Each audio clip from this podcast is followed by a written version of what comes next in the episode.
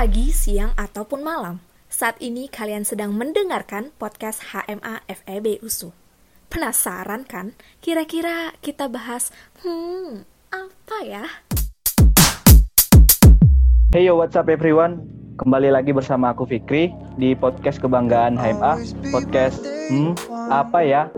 Oke, jadi sesuai dengan banyaknya request yang masuk di DM Instagram HMA, di episode podcast kali ini, kita bakalan ngebahas dan ngulik lebih dalam seputar lomba ataupun beasiswa, baik yang ada di kawasan USU ataupun juga di luar kawasan USU.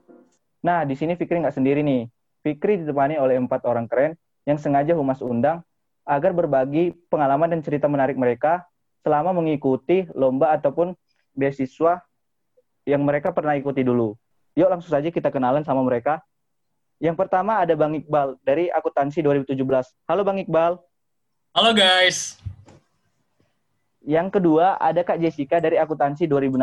Halo Kak Jessica. Halo. Nah, yang ketiga ada Kak Yovinska dari Akuntansi 2017. Halo semuanya, nah, aku Yovinska. Yang terakhir ada Bang Dapa dari Akuntansi 2018. Halo Bang Dapa. Halo, halo, halo, hai. Nah, sebelum kita mulai nih, abang-abang dan kakak-kakak sekalian, boleh dong kenalin dirinya secara singkat. Biar para pendengar podcast kita pada kenal nih. Aku mulai dari Bang ini dulu deh, dari Bang Iqbal dulu. Oke, selamat pagi, selamat siang, dan selamat malam semuanya. Perkenalkan, namaku Muhammad Iqbal Fadil. Kalian bisa panggil aku Iqbal atau Fadil. Uh, aku kuliah di akuntansi angkatan 2017. Oke, lanjut ke Kak ini dulu deh, ke Kak Jessica. Oke, salam kenal teman-teman semua. Tadi lucu juga ya Iqbal, iya podcast ini bisa pagi siang malam ya. uh, yang pastinya aku jurusan akuntansi, soalnya ini kan podcast HMA ya. Aku tadi oh, sempat iya. tanya, Iqbal Dava ini jurusan apa ya? Oh ya iyalah HMA. Uh, aku jurusan akuntansi Stambuk 2016, Jessica Pradipta Alamna Pitupulu, dan aku dipanggil ke sini karena uh, dari beasiswa XL Future Leaders gitu pada hari ini ngobrol-ngobrol sama teman-teman semua. Oke gitu kak. Aja deh. Lanjut, iya. lanjut nih ke Kak Yovinska. Halo semuanya, aku Yovinska Yunike, bisa dipanggil Ica juga. Uh, aku uh, jurusan akuntansi Stambuk uh, 17 dan senang berbagi dengan teman-teman sekalian khususnya mengenai beasiswa Genbi yang biasa dikenal dengan beasiswa Bank Indonesia. Salam kenal ya semua. Oke, yang terakhir uh, Bang Dapa. Halo semuanya. Jadi kenalin nama aku Muhammad Syadana, biasa dipanggil Dapa, tapi kalau kakak-kakak mau manggilnya sayang nggak apa-apa juga sih, Dapa ridho-ridho aja, tapi ikhlas-ikhlas saja. Pastinya juga dari Asik. dari akuntansi Stambuk 2018. Oke, nah kita udah kenalan nih. Yuk langsung aja kita ngobrol-ngobrol bareng mereka nih.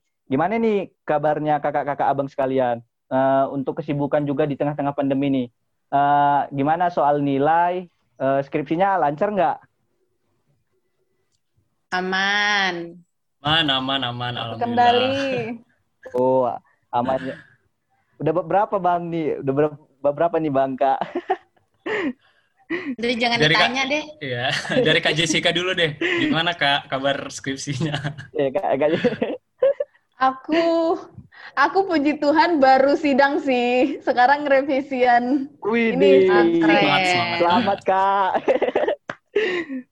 Makasih. Eh, Bang Iqbal Kak Yovinsa gimana nih? Aduh, aku baru mau mulai. oh iya, semangat semangat. Oh, semangat ya Kak. Mudah, Thank you Kak. Semangat ya, Kak. Mudah-mudahan lancar. Amin. Nah, Amin. Bang Dapa sendiri gimana nih Bang Dapa nilainya Bang Dapa yang keluar kemarin? Aman nggak?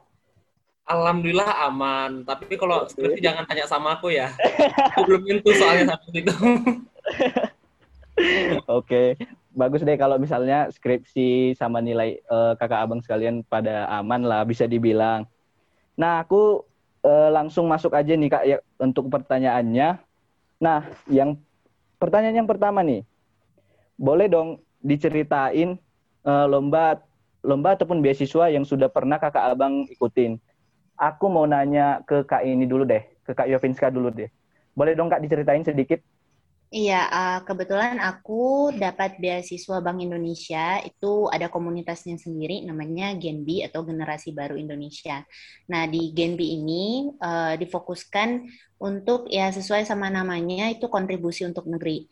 Jadi kita nggak hanya sekedar nerima duit 12 juta doang hmm. dari Bank Indonesia, tapi hmm. emang BI itu sendiri pengen dengan duit itu kita jadi belajar banyak hal, banyak hal baru seperti sosial, cara kita bersosialisasi dengan masyarakat yang uh, emang butuh bantuan kita, gimana kita mengembangkan jiwa kepemimpinan kita dan yang lainnya. Nah, oleh karena itulah biasanya uh, Genbi ini buat banyak kegiatan sosial seperti contohnya acara galang dana untuk korban-korban bencana atau seperti uh, bantuan dana untuk korban yang rumahnya kebakaran biasanya hmm. yang domisilinya kota Medan ya. Atau biasanya kita juga ada kegiatan membersihkan lingkungan namanya uh, Indonesia Bersih. Biasanya bersih-bersih sungai. Nah jadi kita tuh Genbi bukan cuma nerima duit 12 juta doang terus duduk-duduk di rumah. Wih. enggak ya kita berkarya untuk negeri Besar sih iya. uangnya ya, kepikirannya, yeah. widih, langsung ke situ dulu. Oh, iya. iPhone dapat tuh, Kak. oh iya, Kak. Itu program ya. programnya termasuk keren-keren juga ya, Kak. Itu Kakak dulu apply beasiswanya semester berapa, Kak, kalau boleh tahu? Uh, kalau nggak salah tuh semester 4 deh, karena emang untuk uh, Bank Indonesia mereka bukannya mulai dari semester 3. Oh, berarti dari semester 4 ya, Kak ya? Iya benar. Uh, Oke, tadi Kak Yovinska udah cerita soal sedikit cerita sedikit soal Genbi nih. Nah, aku lanjut ke Kak Jessica nih. Gimana Kak soal beasiswa Excel Future Leaders-nya? Boleh dong diceritain sedikit Kak? Boleh. Jadi Excel Future Leaders itu program CSR-nya PT Excel Aksiata, tanggung jawab sosial. Salah satunya pengembangan uh, kepemudaan, kepemimpinan karena mereka berpikir latar belakangnya pemuda itu strategis untuk bisa dibentuk jadi generasi yang baru uh, ini program CSR ini terkhusus sama pemuda di bidang soft skill ada trikornya tuh trikor oh. kompetensi yang satu managing change, uh, manage perubahan apa sih bahasa Indonesia? Mengatur perubahan. Mengatur perubahan. Terus ada entrepreneurship and innovation, inovasi sama kepengusahaan, kewirausahaan sama satu lagi critical thinking, berpikir kritis. Jadi kita dipersiapkan untuk tenaga kerja abad 21 untuk Indonesia. Kira-kira itu dulu deh, kalau ada yang mau nanya boleh. Berarti ini lebih difokuskan ataupun ditekankan ke soft skill-nya ya, Kak? Iya, bener.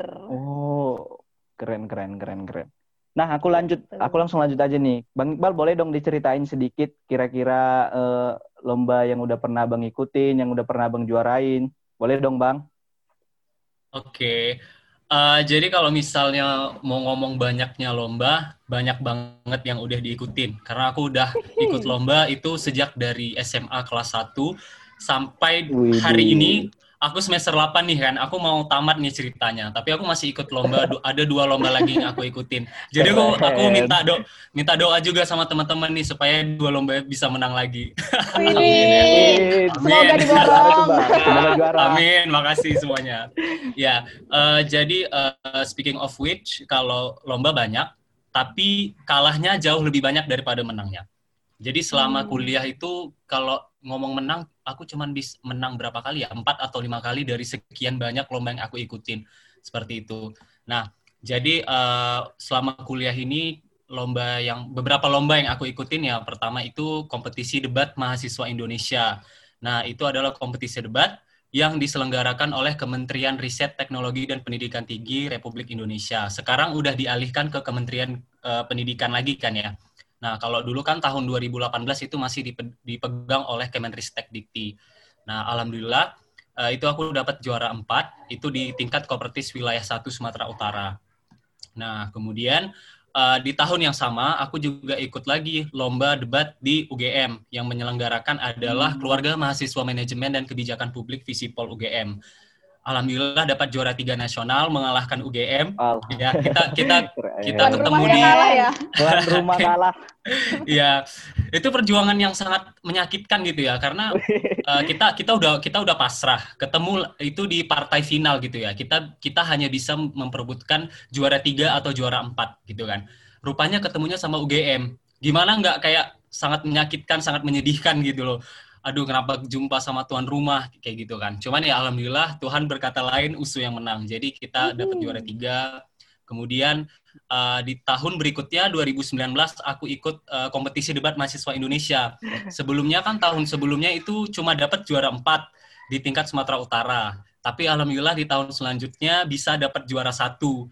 Nah, juara satu uh, kita juga Wih. sekaligus mewakili Provinsi Sumatera Utara untuk melanjut ke uh, nasional di Surabaya, yaitu di Universitas Airlangga. Seperti itu. Kemudian uh, aku menjadi salah satu anugerahwan mahasiswa USU berprestasi tingkat nasional tahun 2019. Kemudian yang terakhir kali adalah alhamdulillah memenangkan kompetisi uh, duta mahasiswa USU 2019 menjadi duta mahasiswa utama. Nah, seperti itulah singkatnya dari aku. Aduh segan. Asli akuntansi bangga punya Bang Iqbal. Singkat yang cukup panjang. ya aduh, banyak banget deh pokoknya. Mantap, mantap, mantap. Oke, aku lanjut nih ke Bang Dapa. Oh iya nih, sedikit nih. Bang Dapa nih jagoan nih kalau masalah soal lomba karya tulis ilmiah sama esai nih. Boleh dong Bang Dapa diceritain kira-kira lomba apa aja yang udah dimenangin? Oke, makasih Mikri kesempatannya. Oke, uh, kalau gimana ya? Kalau dibilang jagoan sih masih belum jago ya. Soalnya aku masih ke tahap belajar gini ya. Uh, dan juga kalau misalnya untuk lomba karya tulis ilmiah itu, alhamdulillah kan itu bentuknya tim. Jadi kami masing-masing kolaborasi kan. Hmm.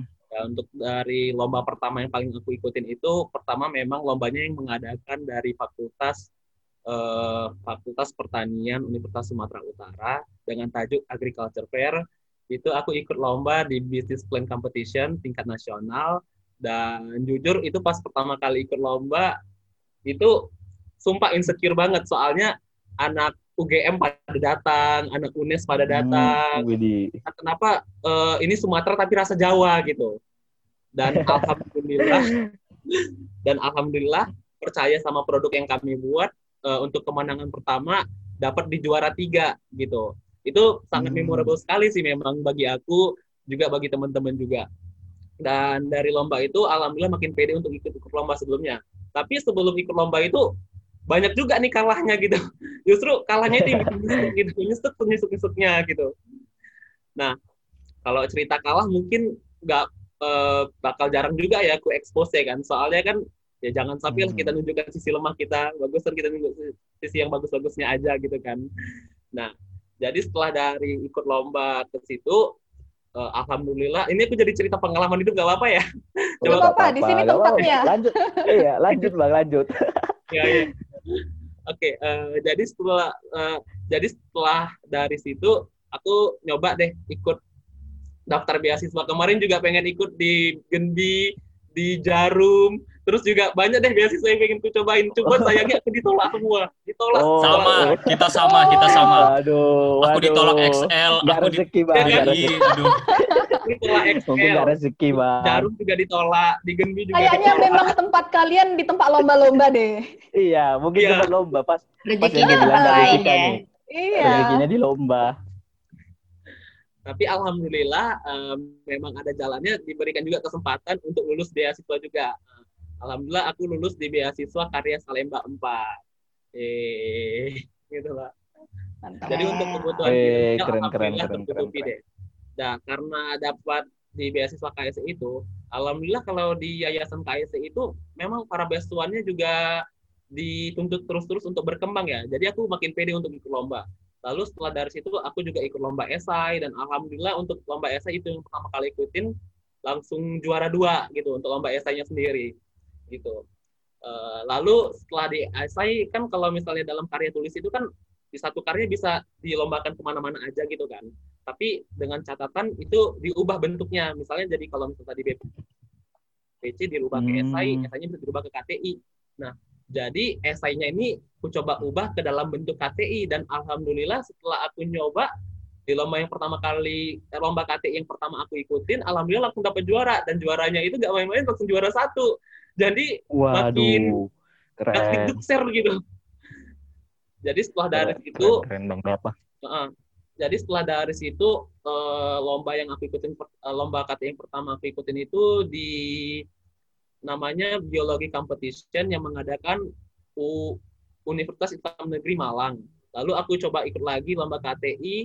Alhamdulillah di Universitas Pertamina dapat juara satu lagi dan di Universitas Telkom dapat juara satu lagi. Dan alhamdulillah yang kemarin yang paling baru dapat juara lagi alhamdulillah di hari Minggu kemarin untuk lomba KTI juga juara dua. Dan itu uh, gimana ya ngerasa alhamdulillah ngerasa ngerasa suatu hasil banget deh sama aku gitu dan aku ngerasa kayak hmm. uh, kayak memang uh, memang kalau misalnya aku di dalam perkuliahan aku memang nggak terlalu dominan alhamdulillah di bagian-bagian luar kuliah ini aku bisa dominan seperti itu. Mungkin gitu aja sih bang Fikri. Oh iya sedikit nih bang Dap. Uh, oh, aku ada lihat kemarin Bang Dapa menangin juara uh, ini juara satu KTI di ini uh, eh, KTI bidang biologi. Itu gimana sih Bang? Apa yang notabene-nya anak akuntansi oh. bisa menangin uh, juara satu KTI biologi. Itu aku sampai oh. terkagum-kagum gitu. Keren sih asli. itu iya. gimana Bang? Boleh diceritain? Ampun Bang Jago. Gitu ya? Ampun Bang Jago. Keren tentang asli. apa tuh? Oh iya. Uh, jadi gimana ya? Jadi uh, bisa dikatain nih kalau misalnya kalau kita dalam lomba EKT itu kan ada subtema subtemanya gitu kan. Nah kalau dikasih tagline lombanya itu namanya aja biologi. Cuman yang karya kami terapkan itu ya berbau-baunya oh. ekonomi juga gitu. Soalnya kan dalam temanya itu pasti juga ada uh, tema ekonomi dan sebagainya. Jadi wah ketika kawan-kawan hmm. lihat kemarin aku juga ada ikut lomba yang uh, tagline itu teknologi gini bla bla bla Terus kawan-kawan aku juga pada ngerespon, gila gila dah udah biologi sekarang teknologi bla bla bla. Padahal mereka tahu padahal kalau lihat ke belakangnya, lihat aslinya itu, itu sama-sama di ekonomi juga gitu. Oh iya ya, penyelenggaranya oh, aja iya, padahal iya, iya. Penyelenggaranya ya. aja. Penyelenggara, penyelenggaranya, iya, penyelenggaranya aja berarti. Iya. Seperti itu. Oke, oke, oke. Oke, makasih uh, tadi udah cerita sedikit pengenalan mengenai lomba sama beasiswanya nih, Kak Bang. Aku lanjut ke pertanyaan selanjutnya nih. Pertanyaannya masih berhubungan berhubungan sama pertanyaan sebelumnya. Mungkin ini lebih ke arah teknisnya nih. Nah, aku mulai dari beasiswa dulu deh. Kira-kira untuk Kak Yovinska dan Kak Jessica nih, dapat pertama kali info beasiswa itu dari mana sih? Terus kan berkas-berkas yang harus disiapin juga banyak nih. Nah, kira-kira berkas-berkas yang perlu yang perlu itu tadi apa aja sih Kak? Mungkin mungkin juga ada syarat ataupun kriteria khusus dalam melengkapi uh, berkas ataupun hal-hal yang yang disiapin untuk pendaftaran beasiswa tadi. Boleh dong Kak diceritain ataupun uh, di-share ke pendengar podcast semua? Iya, boleh banget ya. Ya, jadi uh, sebenarnya nih teman-teman harus rajin main-main atau cari informasi ke ruang WD. Terus rajin-rajin tuh pantengin Instagram anak usu, ya kan, HMA, oh, ya kan. Oh, wajib. Nah, dan pastinya nih telinganya tolong dicondongin uh, ya ke ini speaker ya, soalnya nih biar teman-teman tahu uh, tips and tricksnya deketin anak Pema. Nah, tuh. Siapa aja deh pokoknya, pokoknya anak Pema. Karena biasanya anak Pema tuh yang paling tahu informasi terbaru. Nah, selain hmm. deketin anak PEMA, ada lagi yang perlu disiapin. Kayak misalkan kalau bank uh, beasiswa Bank Indonesia itu minimal semester 3 ya kayak tadi yang dijelasin di awal. Uh, mereka juga minta kita untuk siapin CV. Uh, ada surat rekom juga dari WD bahwasanya kita itu aktif berorganisasi, ada surat aktif kuliah, fotokopi KHS selama berkuliah. Dan kebetulan emang waktu di tahun aku itu nggak ada kewajiban untuk masukin surat keterangan tidak mampu. Tapi kalau adik-adik eh, sekalian yang tahun ini nih atau tahun eh, berikutnya berminat untuk ikut beasiswa Bank Indonesia itu wajib menyertakan surat keterangan tidak mampu. Nah, kalau kriteria khusus hmm. lainnya pasti ada karena beasiswa Bank Indonesia itu pengen peserta didiknya bisa pertahanin nilai IPK mereka tetap bagus. Jadi ya minimal kalau di tahun aku IPK-nya 3,25 tapi eh, nggak mutlak juga sih. Tapi yang mutlak itu eh, IPK-nya harus di atas 3,00. Itu aja. Oke Kak, makasih. Nah, eh, Kak Jessica nih, eh, untuk syarat ataupun kriteria khusus yang perlu disiapin untuk apply beasiswa Excel Future Leaders gimana nih kak? Apakah sama dengan Kak Yovinska tadi atau atau mungkin ada yang berbeda nih? Boleh dong kak diceritain? Oke, kalau Excel Future Leaders itu hmm, syaratnya tergolong umum karena syaratnya itu adalah mahasiswa aktif, adalah yang uh, minimal IPK terakhir sih di tahun aku 2,75. Kalau sekarang hmm. mungkin tiga, tapi ya nggak pas 2,75 juga kali ya. Gitu. Terus uh, semesternya minimal semester 4. Jadi waktu ngeplay minimal semester 3, maksimal semester 5. Jadi kalau diterima itu kalau yang apply semester 3 diterimanya semester 4 pas penerimaan. Terus kalau ngeplaynya semester 5 akan diterima semester 6.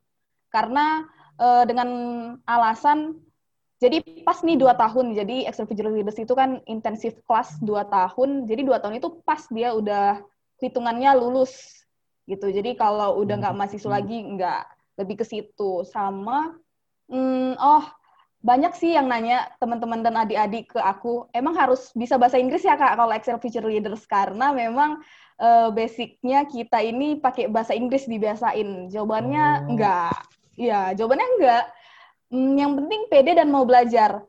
Kebetulan memang kalau Excel Future Leaders uniknya hmm, penerimaannya itu enggak mensyaratkan harus uh, aktif organisasi, harus berprestasi, tapi dari situ akan menjadi nilai plus waktu di tesnya. Nanti akan ada lima tes. Nah, aku saranin buat adik-adik teman-teman nggak usah takut deh, soalnya nggak ada ruginya, daftarnya gratis, dan tahapnya ini kayak tahap mencari kerja. Kalaupun kita nggak lulus nih ceritanya, walaupun kita pengen lulus, ada pengalamannya, ada kerasa pressure-nya, ambisinya waktu ngikut. Jadi pertama itu ada tes online assessment, habis itu ada tes English sama GMAT, habis itu ada tes intray, intray presentation, hmm. kemudian interview, diterima empat ya. Jadi betul-betul kompetensi sih. Kalau waktu kami udah masuk beragam uh, latar belakangnya tapi ada satu yang sama DNA-nya. Kami bilangnya darah biru. Jadi uh, orang yang berdarah biru lah ya masuk XLFL gitu. Karena kita sama-sama ada yang aktif organisasi nih latar belakangnya. Ada yang aktif berprestasi juga kayak Dava sama Iqbal nih sering lomba-lomba. Ada juga yang memang dia khusus ke studinya aja, tidak begitu menonjol di dalam uh, prestasi lomba maupun organisasi, tapi dianya punya nilai plus yang kami sebut dengan darah biru. Jadi aku juga kurang tahu ya gimana sih bisa lulus gitu nggak ada. Padahal uh, kriterianya umum yang aku petik dan aku dapat dari teman-teman yang keterima semua sih adalah orang-orang yang mau belajar. Dan sama-sama rendah hati mau belajar itu aja sih. Syarat khusus nggak ada. Hmm. Oke Kak Yovinska dan Kak Jessica udah banyak nih sharing soal teknis kalau kita mau ikut program beasiswa nih. Oke, aku lanjut. Ya. Sekarang kita ke mungkin bahas mas masalah teknik kalau kita teknis kalau kita mau ya, ngikut suatu lomba nih. Aku mau ke Bang Iqbal dulu deh. Kira-kira Bang uh, sewaktu Abang dulu ngikutin lomba ataupun sampai sekarang juga masih ngikutin lomba nih Bang. Kira-kira apa sih yang perlu yang biasanya perlu yang harus disiapkan Bang? Mungkin uh, biaya pendaftaran atau sebagainya boleh diceritain Bang? Oke, okay. uh, jadi setiap lomba itu kan requires uh, biaya pendaftaran. Pasti biaya pendaftaran itu pasti ada ya. Kita patungan lah sama teman-teman satu tim.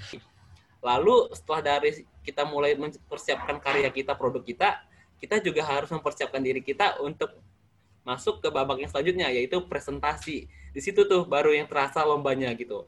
Soalnya ya selain keringat bercucuran mental diuji terus panas dingin kena AC atau segala macam di situlah baru terasanya jadi setelah kita masuk ke bagian karya, persiapan karya dan persentase, barulah kita menunggu hasilnya. Gimana nih, kita dimenangkan atau dikalahkan. Kayak Bang Iqbal bilang tadi, kita harus siapin mentalnya. Mentalnya nggak hanya satu mental aja, dua mental. Mental siap menang dan mental siap kalah, seperti itu. Lalu, jujur kalau misalnya bener banget kayak kata Bang Iqbal, kayak Bang Iqbal bilang di awal, kita tuh jadi rajin ibadah. Jujur, aku pertama kali waktu ikut lomba, aku ikut puasa loh, puasa sunnah. itu jadi aku jalanin Uh, karena saking ngebetnya gitu, saking ngebetnya supaya ya Allah tolong menangkan ya Allah jadi sampai ngejalanin puasa sunnah dan seniat sesungguh-sungguh benar-benar iya. keren, karena keren. kayak ras, karena kita rasanya kayak vulnerable gitu kan tanpa Tuhan kayak aduh apa sih aku cuma kaleng-kaleng gitu loh iya uh, benar iya, banget gitu bener bener banget uh.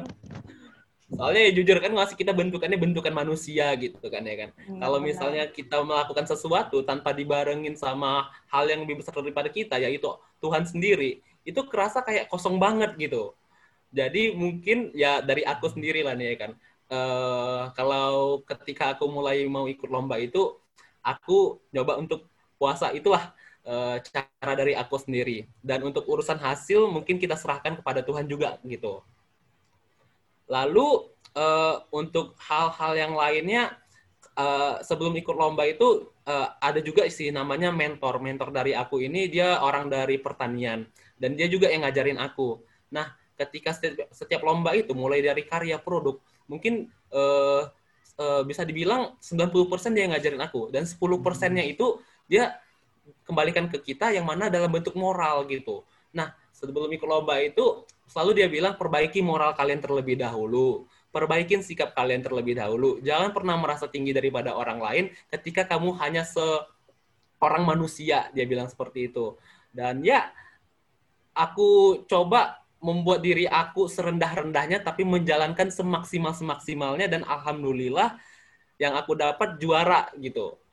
Mungkin itu aja sih dari aku kembali ke Bang Fikri gitu. Aku mau nambahin dong, Fik. Oh, Oke kak, boleh kak, silakan kak. Eh, tentang eh, tertarik sih sama mental mental kalah sama mental menang itu bener. Kadang kita nggak siap menang, menang aja nggak siap, sama kalah pun nggak siap. Beneran. Eh, kalau soal kalah sih banyak teman-teman juga cerita. eh, bukan berarti ya kita eh, berdoa menang baru dijawab. Bahkan kalah pun ada Hmm. kalanya adalah jawaban dari doa itu sendiri gitu. Jadi eh, teman-teman maksudnya melibatkan eh, ketuhanan kita lah di sini bahwa bergeraknya itu sesuai izinnya gitulah kita ya Tuhan yang Maha Esa. Kemudian eh, tentang umumnya Excel Feature Leaders dan beasiswa lain dan mungkin lomba-lomba juga aku terpikir tadi waktu teman-teman cerita ada ada banyak kriteria dan syarat yang di di list di point out sama informasi atau flyer gitu kan. Tapi teman-teman walaupun itu nggak ditulis, harusnya kita juga tahu intensi kenapa kita ikut ini. Mungkin hadiah salah satu faktor, bukan satu-satunya faktor. Kemudian kayak eh, mungkin aku ya pengalaman Executive Leaders karena terlalu umum syaratnya. Tapi kemudian aku mempersiapkan diriku bukan karena yang disebutkan oleh syarat, tapi saat aku riset kebetulan info yang aku dapat itu dari rela- relasi bener. Aku dari temenku dari seniorku yang di organisasiku ikut Excel Feature Leaders aja gitu. Dia ngerekoin. Kemudian aku tanya "Eh, tesnya apa aja bang? Ada ini ini ini. Oh berarti aku harus persiapin ini. Kemudian diwawancara do's and don'ts-nya apa bang? Oh kamu itu harus riset harus tahu nih tentang Excel Feature Leaders. Nah kalau teman-teman mau tentang beasiswa lain juga sebaiknya menampakkan kesungguhannya itu kita itu pengen ke situ kita cari tahu tentang itu itu Benar banget. apa gitu. Ya kan cak Iya benar banget. Benar banget sih kak. Kayak misalkan mau ikut satu beasiswa tapi nggak tahu nih beasiswa tentang apa malu-maluin juga ya. iya. Jadi dari inisiatif sih. Mungkin dari situ juga ya dinilai Excel Future Leaders ini. Betapa no clue-nya sebenarnya. Eh, kemudian explore riset sama hmm, oh eh, kalau intensi kita udah benar, pasti kita menampilkan diri kita juga dengan benar, mau lomba maupun beasiswa. Eh, kalau memang kita takut, tapi kita tahu benar kenapa kita melamar ini, ngeplay ini, ngikut lomba ini, pasti kita bersungguh-sungguh eh, menampakkan diri kita yang terbaik. Dan kesungguhan itu tanpa dibuat-buat pun, kalau tekadnya tinggi, itu akan terlihat saat kita melaksanakan tes, mempersiapkan diri, dan wawancara aku mau bilang bahwa ada banyak faktor yang dilihat, apalagi dari sesi wawancara, yang tidak kita sadari tapi tampil di diri kita. Jadi sebetulnya bukan dibuat-buat sih, kualitas diri ada. Tapi bukan berarti kalau nggak lulus kita tidak berkualitas. Namun mungkin tempatnya belum di situ atau di tempat lain. Jadi ada banyak ya teman-teman semua. Itu dari aku sih. Benar. Kadang rezekinya di tempat lain ya kak. Iya benar. Hmm. Ladang-ladang berkaryanya di tempat lain. Oh iya, aku mau ke ini, Du. Ke Bang Iqbal sama Bang Dapa. Bang, aku ada sedikit penasaran nih, Bang. Kalau misalnya dari pihak kita, pihak kampus kita sendiri nih, Bang. Kalau misalnya ada mahasiswanya yang ikut lomba kayak orang abang kemarin sama Bang da Bang Iqbal, Bang Dapa, nih ikut lomba nih. Kira-kira support atau pendukungan dari kampus ada nggak, Bang? Mungkin dari uh, bantuan dari pembiayaan ataupun pelatihan. Kira-kira dari kampus kita ada nggak bang? Mungkin bisa, mungkin kan ke depannya bisa juga nih jadi evaluasi bagi pihak kampus kita juga nih. Gimana tuh bang? Oke, ini dari aku dulu ya. Uh, ini okay, aku bang. mau jawaban mau jawaban jujur atau mau jawaban dipoles-poles? Jujur aku. gas aja bang gas. Dadah. Yang jujur, jujur yang aja, jujur. Oke. Okay. Nah, kalau jawaban jujurnya, kalau berharap dari fakultas nol rupiah. Kalau berharap dari fakultas, ya Ke, uh, kecuali kecuali uh, kita ada relasi dengan uh, organisasi tertentu yang memiliki orga, uh, organisasi itu yang memiliki relasi ke pemangku kepentingan yang ada di fakultas. Aku nggak mau sebutin nama organisasinya apa, tapi aku tahu organisasi apa aja yang punya special relation ke dekanat kita, gitu ya. Nah, kalau uh, based on my experience, uh, pada umumnya itu aku dari fakultas itu pertama tidak dapat exposure apa-apa, hmm. tidak dapat kayak fasilitas tambahan apa-apa, mereka cuman kayak denial dan I don't know, jadi ya udah lepas tangan seperti itu. Itu aku ngomong jujur ya. Nah, tapi ada satu experience aku yang uh, kita menang, yang aku bilang tadi aku juara tiga yang di UGM itu dapat uh, talangan, bukan talangan sih, apa ya namanya? Dapat dana dana tabungan pendidikan lah istilahnya dari dekanat itu kita dikasih satu juta lima ratus untuk satu tim. Jadi kita bagi tiga, jadi lima ratus ribu. Nah, tapi kalau kita main hitung-hitungan, itu lima ratus ribu itu nothing. Compare dengan apa yang udah kita keluarkan selama di Jogja.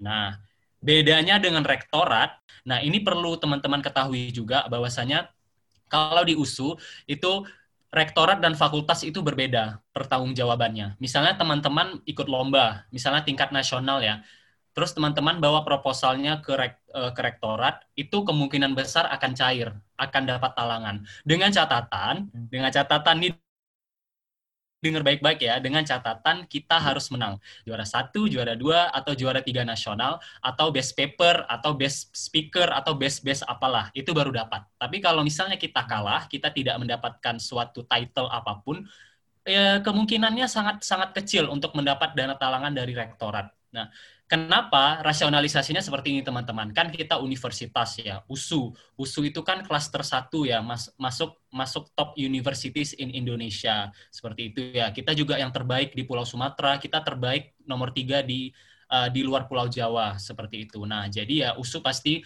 mengharapkan ekspektasinya kita menang, kita membawa nama USU secara baik gitu ya dan sebagainya. Itulah rasionalisasi kenapa ya kita harus menang lah untuk dapat uang ya kita usaha lah namanya kita mau dapat uang nih kita mau dapat penghargaan mau dapat pengakuan dari universitas. Usahalah kita supaya bisa menang seperti itu.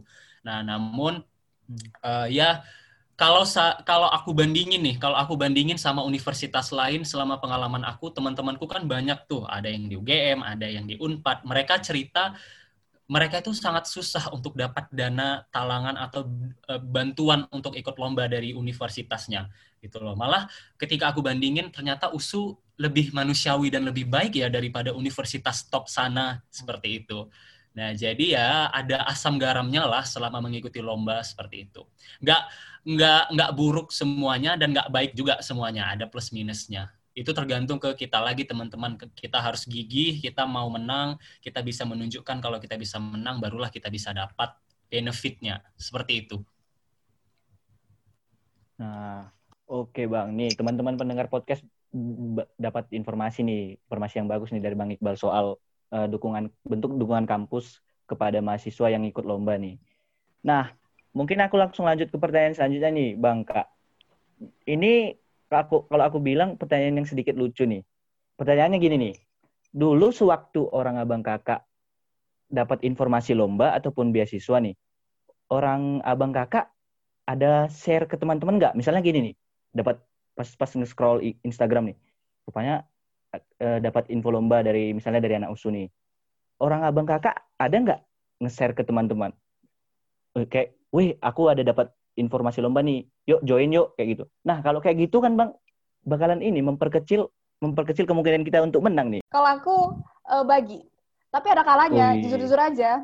Uh, iya, Kak. Ada saat peluang yang kayak ini kan aku mulai cari kerja. Saking semangatnya atau lowongan magang gitu, saking semangatnya kita lupa hmm. bagi. Saking semangatnya dan kita tunggu-tunggu, kita bukan bukan nggak mau bagi ya, tapi nggak keinget oh. karena kita udah duluan gitu. Gak, Tapi yang betulnya memang uh, bagi waktu Excel Future Leaders juga aku bagi. Karena memang se excited itu uh, intensinya apa bener? Justru kalau karena hmm. aku tahu aku bakal dibekalin sama si Excel Future Leaders ini aku mau teman-temanku juga semakin rame yang terbekali kan baik gitu. Dan sebetulnya kalau memperkecil saingan enggak saingan kita itu kan justru bukan lebih bagus ya kalau misalnya banyak saingan kita lebih uh, teruji dan lebih tahu realistisnya daripada kita memperkecil hmm. kerealistisan itu gitu loh toh memang orang punya rezekinya masing-masing itu juga ceritanya kalau aku ya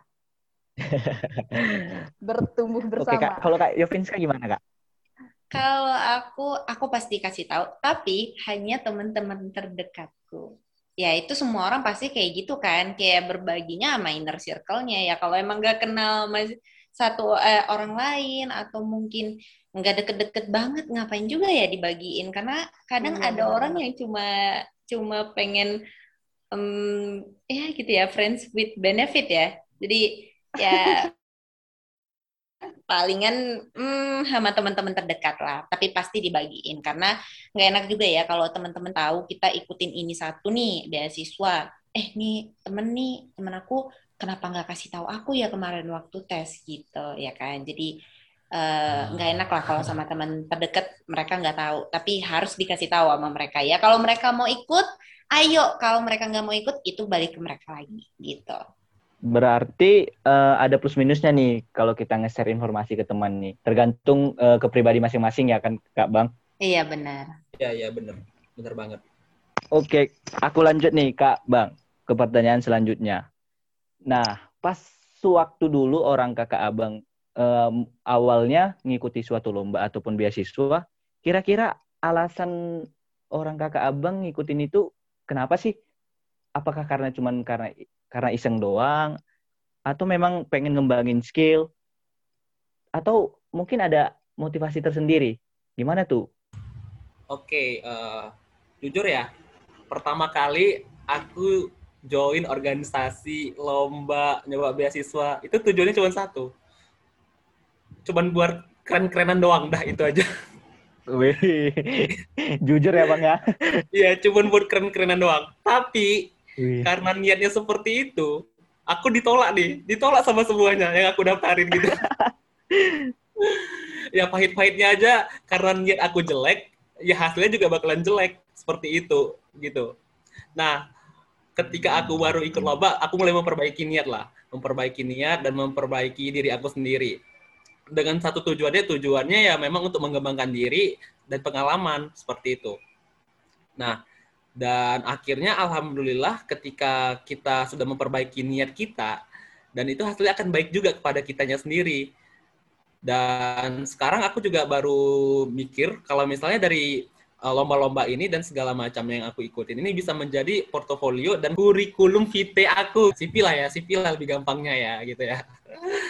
Uh, jadi sekarang kalau misalnya ditanya apa alasannya nih ikut lomba organisasi dan segala macamnya, ya memang untuk pengembangan diri sendiri sih, untuk menjadi manusia yang bermanfaat di kemudian hari. Ya sebaiknya sebaik-baiknya manusia hmm. adalah manusia yang bermanfaat khususnya bagi masyarakat seperti yang itu bermanfaat. sih lebih.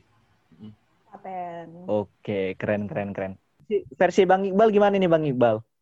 Versiku kalau ikut kegiatan pertama aku ingin aku ingin apa ya ikut lomba ya? Aku ingin balas dendam sebenarnya.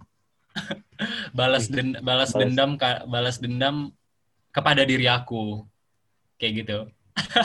Balas dendam kepada diri aku karena uh, sebelum aku ikut lomba sebelum terjun ke dunia ini gitu dunia kompetisi dan segala macamnya aku nggak ikut apa-apa, aku pendiam. Terus di terutama pada saat aku TK, SD, SMP ya, mas masa kecil aku bukanlah masa kecil yang sangat indah, yang yang yang uh, butterfly, beautiful dan sebagainya enggak gitu. Masa kecil aku tuh kayak penuh dengan perundungan, penuh dengan bully dan segala macam. Lingkungannya banyak yang toksik. Jadi ketika aku masuk SMA, aku aku ingin merubah hmm. itu loh, merubah posisi aku dan merubah lingkungan aku dengan apa yang aku bisa. Ya dan alhamdulillah uh, Tuhan mengarahkan aku ke jalan ya udah ikut aja lomba ikut kompetisi seperti itu. Nah makanya ya sampai sekarang bisa dibilang lomba dan kompetisi yang aku ikutin itu membenahi diri aku mentally mentally dan physically dan juga uh, membenahi lingkungan di mana tempat aku berada. Dan aku bersyukur ya dengan segala uh, jalan yang udah dilaluin obstacle obstacle kehidupan gitu loh. Membangun diri aku menjadi yang uh, seperti sekarang yang teman-teman lihat seperti itu. Kemudian yang kedua ingin exposure. Siapa sih yang nggak mau terkenal? Gua mau terkenal, jadi gua mau menang, gua mau ikut semuanya, gitu kan? Gitu. Iya benar benar nah, pasti pasti dong bang, pasti dong bang. Gitu kan. Terus terus uh, uh, terus aku ikut ikut duta mahasiswa menang, alhamdulillah gua makin terkenal. Aduh, gitu kan. Nah, gua, gua gua makin terkenal gitu.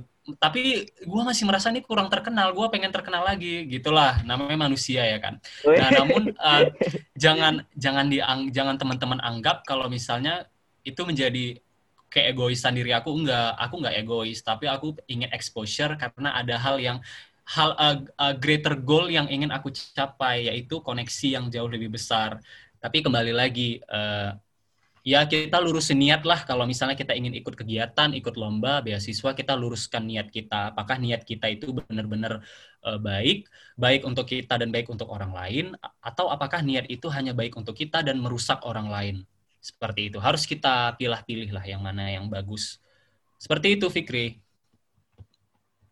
Asli aku salut dengar dengar latar belakang dari orang kakak abang nih. Semoga memotivasi teman-teman pendengar podcast nih Oke, aku lanjut nih. Kita ngomongin pengalaman nih, Kak Bang. Kalau kalau untuk pengalaman yang Abang Kakak rasain nih selama mengikuti lomba, kira-kira ada nggak pengalaman yang paling membekas, yang paling Abang ingat nih? Mungkin kalau misalnya Abang nggak ngelak, misalnya nih, kalau misalnya andai aku nggak ikut ini lomba, andai aku nggak ikut ini, andai aku nggak ikut beasiswa ini, aku nggak bakal kayak gini, aku nggak bakal ngalamin pengalaman yang seperti ini Nah, itu gimana, Kak? Uh, pengalaman paling berkesan ya? Iya, dari Kak. penerimaan beasiswa. Kalau aku sih gini, uh, aku belum pernah tuh diwawancara langsung sama orang BI. Terus begitu uh, tes, itu kita ada dua kali ini sih, dua kali wawancara. Satunya sama anak Genbi, uh, satunya lagi emang langsung sama hmm, pihak dari BI-nya. Dan itu uh, tes wawancaranya lumayan ya. Dan uh, itu pengalaman yang nggak akan terulang lagi. Benar-benar pengalaman yang berharga. Bisa diwawancara langsung sama pihak BI emang awalnya deg-degan sih. Belum lagi ada tes uh, pertunjukan minat dan bakat. Di mana kalau kita emang bisa hmm. nyanyi modeling tari adat dancing itu ditunjukin di panggung. Pede nggak? Hmm. gitu. Karena uh, emang tuh anak-anak Genbi tuh bakalan dipakai besok-besoknya kalau BI buat acara. Contohnya nih, deputi gubernur atau dewan-dewan penting dari BI itu datang ke Medan. Nah, biasanya yang buat pertunjukan tuh ya anak Genbi gitu. Jadi um, hmm. apa ya, nggak cuma jadi kebanggaan buat diri sendiri, tapi ningkatin rasa percaya diri kita. Jadi ya. Oke, Kak. Keren, keren, keren. Nih, sesi buka-bukaan nih, Bang, Kak. Kira-kira untuk nominal yang paling besar yang yang pernah didapat dari lomba ataupun uang saku dari beasiswa. Boleh dong dikasih tahu ke pendengar podcast nih. Aku mulai dari yang ikut lomba dulu deh, Bang Iqbal sama Bang Dapa. Kira-kira nominalnya berapa nih, Bang? Dapa dulu lah. Aku insecure dengar kata nominal tuh insecure. Jadi Dapa dulu deh. Dulu lah,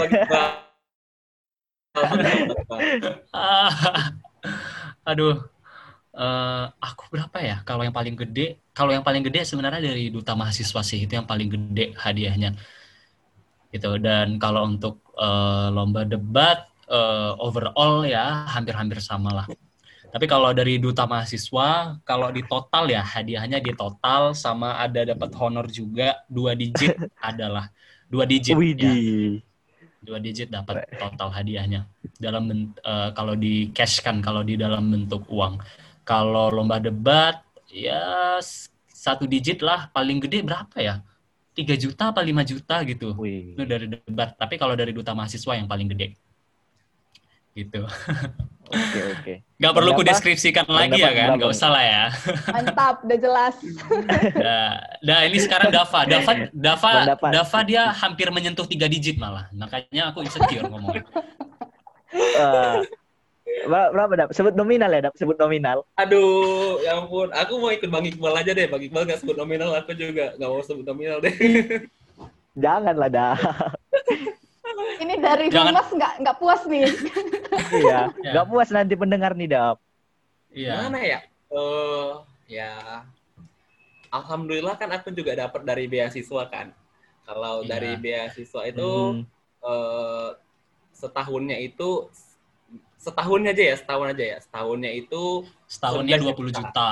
enggak enggak enggak Hmm, enggak. kan? Kan ngeri kan? Ih. Makanya. Dap apa bohong nih kan? Kalau beasiswa, kalau podcast beasiswa ranah jujur, dap. Podcast ranah jujur. Ngeri kali ya Allah. Aku takut sih, aku ngomong-ngomong gini nanti rezekinya ditarik pula gitu. Eh, nggak- Ih, Kok ditarik? nggak apa-apa. Biar mau Kok ditarik? Ini. Di, Motivasi. dipancing teman-teman lagi lah. Dipancing Oh, ya udah, lagi ya. lah. Iya, biar orang biar orang tertarik, dap. Motivasi. Iya, termotivasi. Oke, kalau misalnya dari beasiswa untuk setahunnya aja, setahun ya, hitungan dari Hmm. bulan September ke September nanti, September 2021, itu dapatnya 9 juta. Wih. Berapa? Berapa? 20? Ya Allah. Gila. 29 ya, dap. 29 Makin juta. jantungan tuh dapat digitu-gituin. Dipancing-pancing ini ya, dipancing-pancing. Kalau dari lomba, ya alhamdulillah dari lomba sih yang memang ngebantu banget ya. Kalau dari lomba terhitung dari aku alhamdulillah kan ikut lomba, alhamdulillah udah dapet kisaran 12 ya menangnya ya gitu ya. Wih. Terus kalau misalnya Iya. dari pihak penyelenggara itu Keren, keren. ya dapet lah dua digit gitu lah. Ya udah. Aku bisa- timnya lagi kan? Aku bisa live nggak sekarang? Aku bisa live ya? Live ya? Jangan Bang, jangan, jangan. takut. Aku takut. Aku takut kali nih udah. Abang abang yang mancing tadi loh bang. Kalau boleh tahu yang lomba ini kan tetap ada biaya yang dikeluarin juga kan keluar kota. Iya, iya Iya. Oh, banyak iya. juga kak. Harus Tapi punya modal duluan ya. Ya beruntungnya Iya. di aku, aku Tapi- ikut lomba kan kebanyakan yang online gitu karena efek pandemi ini. Jadi biaya yang dikeluarkan itu Oh, ke- kayak pendaftaran aja aja mungkin tuh Nggak 100 terlalu ya, ribu. Dap. Oh, menarik Ya, lah teman-teman mahasiswa nih. yang diterima itu paling besar kami kemarin dapat. 5 juta untuk satu lomba gitu. Hmm. Dan hmm, alhamdulillah nggak seberapa lah pengorbanan itu ya, Dap ya. itu kayak gimana ya keuntungannya Nggak berapa berapa masih- ribu persen keuntungannya itu. Iya. Nah, apa? Ini juga jadi kesempatan yang bagus sih. Iya. Kesempatan yang bagus untuk mahasiswa selama online. Modal yang kita keluarkan itu lebih sedikit daripada offline seperti itu. Jadi ya Iya, bener- dimanfaatkanlah teman-teman. Hmm, oke oke. Terus kalau in, Nggak oke, usah dapat, nggak usah, nggak Kak, usah. Udah lanjut aja Kak Jessica berapa dapatnya Kak? Nggak usah, dapat nggak usah Iya, lagi. untuk Kak Jessica. Kak Yopinska, uang saku bulanan berapa duluan Kak? nih? Nominal Kak. Kayak Jessica deh. Oh, Kak Jessica dulu aku boleh. sih jujur-jujur enak dong. Excel feature terus nggak dapat, eh, maksudnya nggak nominal, jadi aku nyaman ceritanya. Kalau di tanda tangan kontrak, jadi kita itu tanda tangan kontrak komitmen eh, dua tahun ngikutin workshop lengkap senilai 100 juta. Di kontraknya sih ditulis Oke. kayak gitu ya. Aku officially Oke, live dari dari ya, aku boleh ya. Oke. Gila, gila, Aku gila, gila. aku live dari Gila. podcast ini sekarang juga. Waduh. Aku ceritain dulu, Aku jadi weh. ingat itu yang ditolak sama Expo oke. kemarin itu. Aduh ya Allah. Kayaknya angkanya harusnya terakhir ya aku sebut ya. Jadi Oke, teman-teman Oke, nggak apa-apa. Lanjut, lanjut. 100 juta itu kita nggak terima uang sama sekali. Jadi itu dikonversi jadi eh, sebuah pendidikan, pendidikan workshop yang berkurikulum internasional. Jadi itu uangnya dikonversi dengan uh, katakanlah uh, gaji untuk para mentor kita yang 24 jam bisa dihubungin.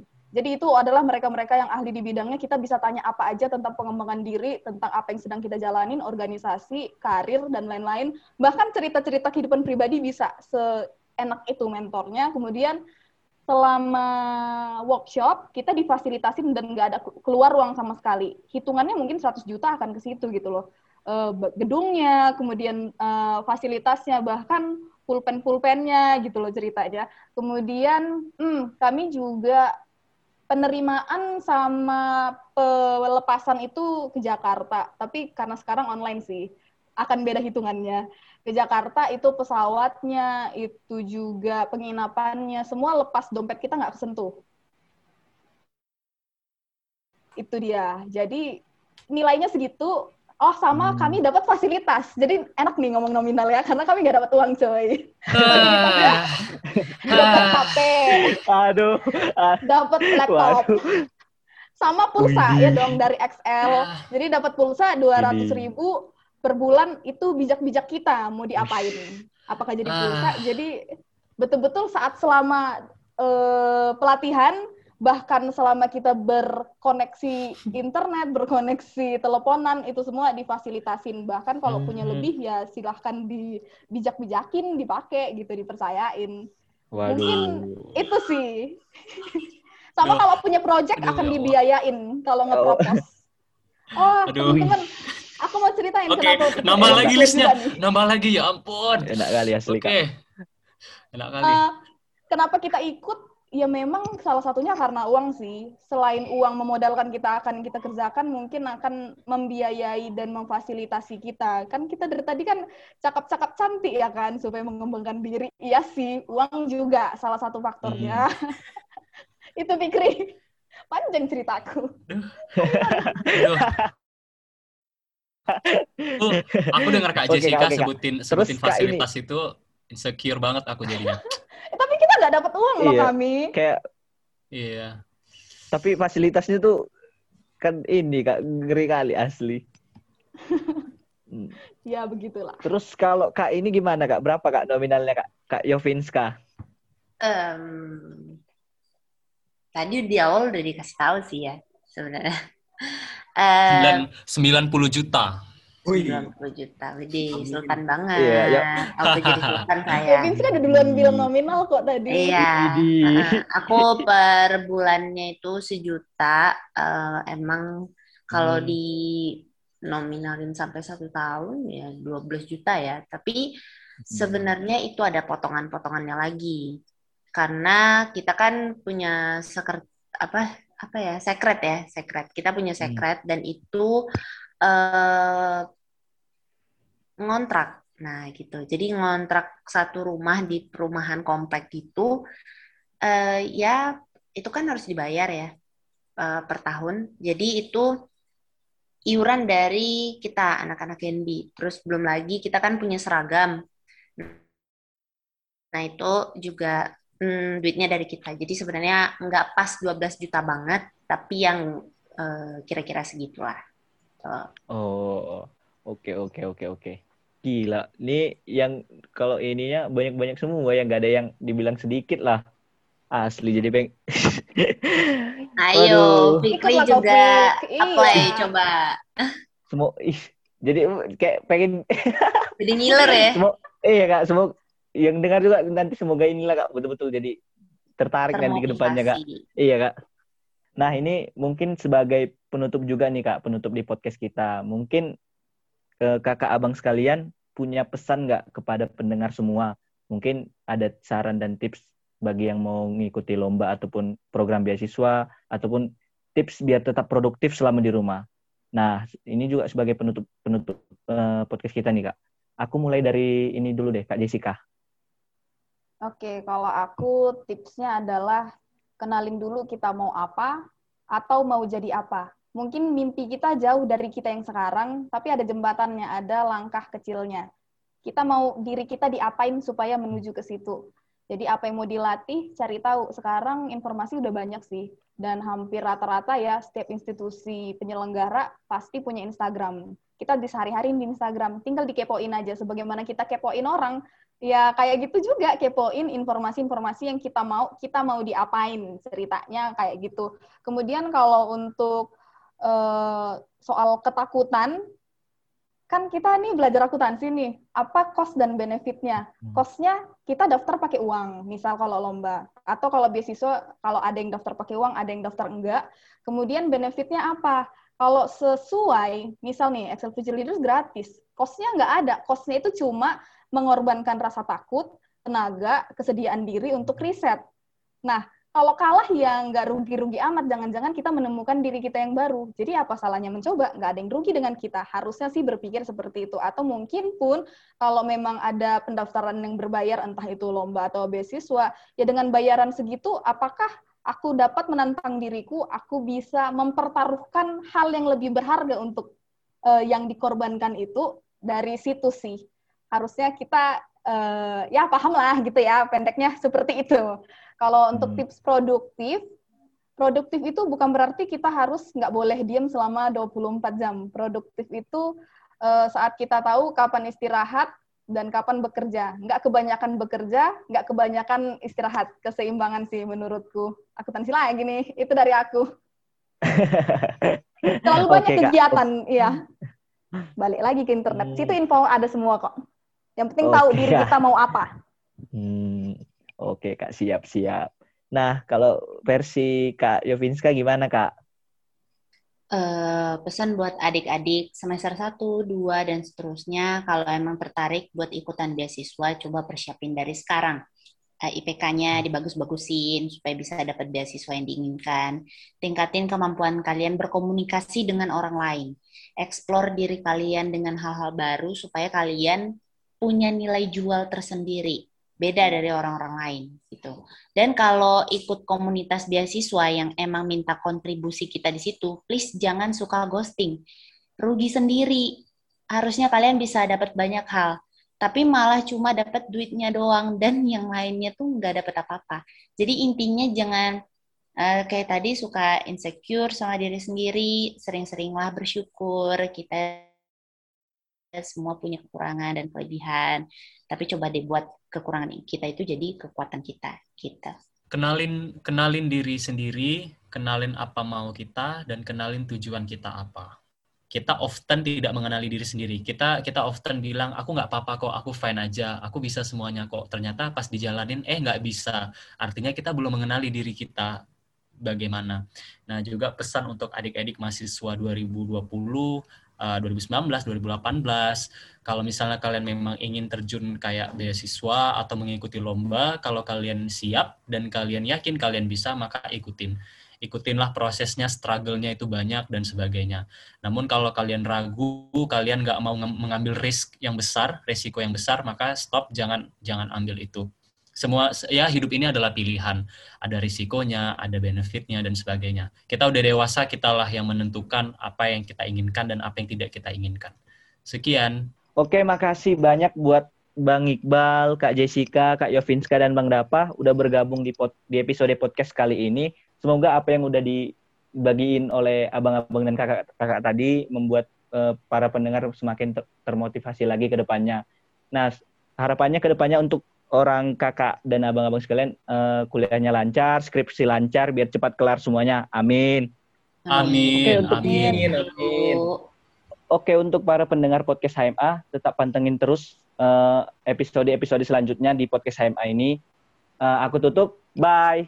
Sampai ketemu Bye. di episode selanjutnya. Bye. Sampai Bye. ketemu. Bye semuanya. Terima kasih.